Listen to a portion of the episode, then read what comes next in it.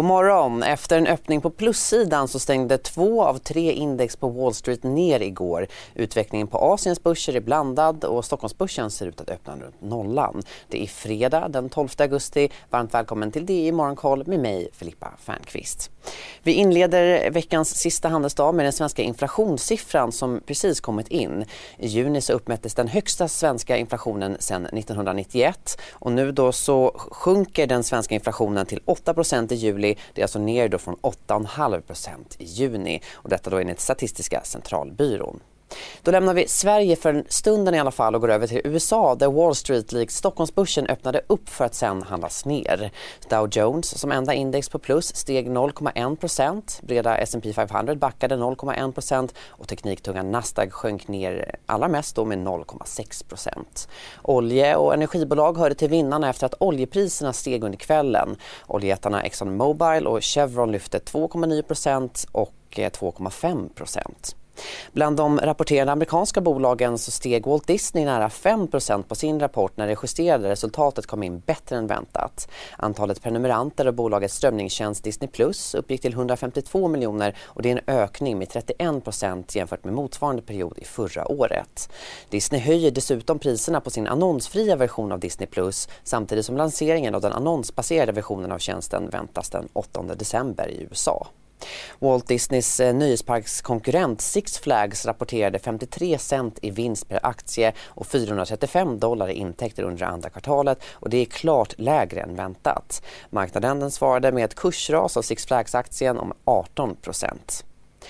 Högtalarbolaget Sonos levererade även de en rapport som inte levde upp till förväntan. Bolaget eh, sänkte helårsprognosen och vd Patrick Spence sa att de makroekonomiska förutsättningarna har blivit tuffare med dollarns förstärkning och den höga inflationen.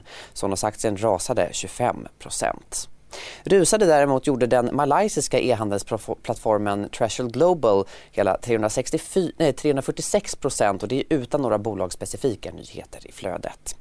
Banksektorn gick starkt. Storbankerna Goldman Sachs, Wells Fargo, Morgan Stanley och JP Morgan handlades upp mellan 1,1 till 2,1 procent och bankerna fann stöd i att producentpriserna i USA sjönk med en halv procent i förra månaden jämfört med juni då. Jämfört med samma månad i fjol så steg PPI med 9,8 procent. Och när vi ändå är inne på just sektorer så hörde hälsovård till dagen, gårdagens eh, förlorare på minus 0,7 procent.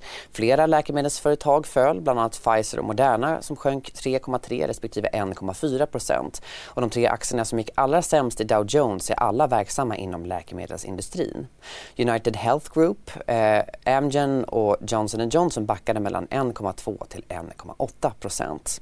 Financial Times skrev igår om eh, klimat och hälsovårdsreformen Inflation Reduction Act på 369 miljarder dollar som gick igenom den amerikanska senaten i måndags. Idag så ska det här paketet behandlas av representanthuset och sen då signeras av president Joe Biden innan den CSRD, ännu en förkortning som väcker känslor hos företagare. Men lugn, våra rådgivare här på PWC har koll på det som din verksamhet berörs av. Från hållbarhetslösningar och nya regelverk till affärsutveckling och ansvarsfulla AI-strategier.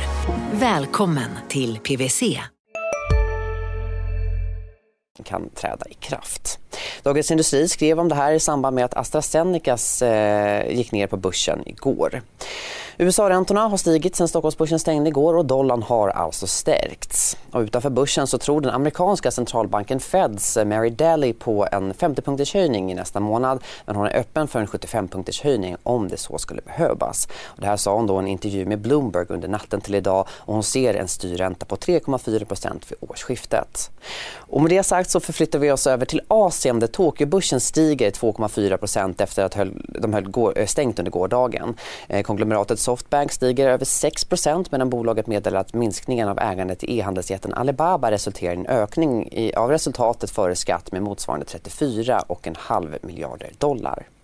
I fastlandskina faller både Shanghai och Shenzhen svagt. Båda är ner nu 0,2 procent.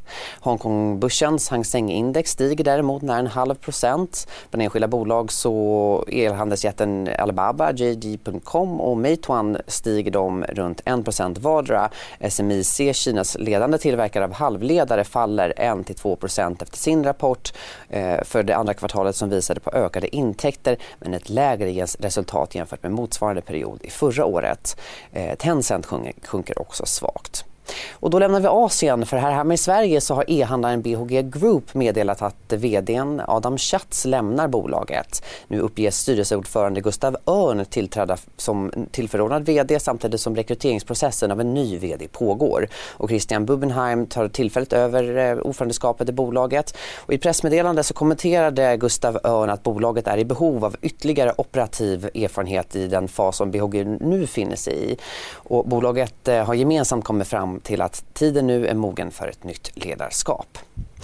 SAF Holland som i juni la ett bud på fordonsunderleverantören Haldex om 66 kronor per aktie har på torsdagen förvärvat ytterligare 2,2 miljoner aktier i just Haldex. Det motsvarar då 4,6 procent av de utestående aktierna och rösterna från fonder, eh, rådgivarna av Kate Kite Lake Capital Management. Kite Lake har samtidigt åtagit sig att acceptera erbjudandet eh, avseende Kite Lakes resterande 2,7 miljoner aktier i Haldex och det motsvarar då 5,6 procent av de utestående aktierna och rösterna.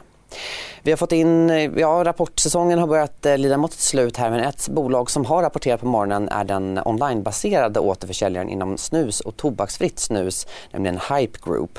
De redovisar ett justerat rörelseresultat på 14,6 miljoner kronor för det andra kvartalet. Eh, ett annat eh, e-handelsbolag eh, som rapporterar idag är Boost som vinstvarnade i juni. De redovisar ett justerat rörelseresultat på 80,9 miljoner kronor för Q2. Analytikerna hade här i snitt väntat sig ett justerat rörelseresultat på 74 miljoner och det är enligt Infront sammanställning av de tre estimaten. Mer om Hype och Boost blir det senare i DTV. Vi kommer bland annat prata med eh, bolagets representanter här under dagen. Vi på DTVs eh, redaktion här vill passa på att önska alla poddlyssnare och tittare en riktigt trevlig helg. Vi är tillbaka med fler nyhetsuppdateringar idag klockan 10 och klockan 13. Tack och hej. CSRD. Ännu en förkortning som väcker känslor hos företagare. Men lugn, våra rådgivare här på PWC har koll på det som din verksamhet berörs av. Från hållbarhetslösningar och nya regelverk till affärsutveckling och ansvarsfulla AI-strategier. Välkommen till PWC. Hej, Synoptik här. Så här års är det extra viktigt att du skyddar dina ögon mot solens skadliga strålar. Därför får du just nu 50% på ett par solglasögon i din styrka när du köper glasögon hos oss på Synoptik. Boka tid och läs mer på synoptik.se. Välkommen!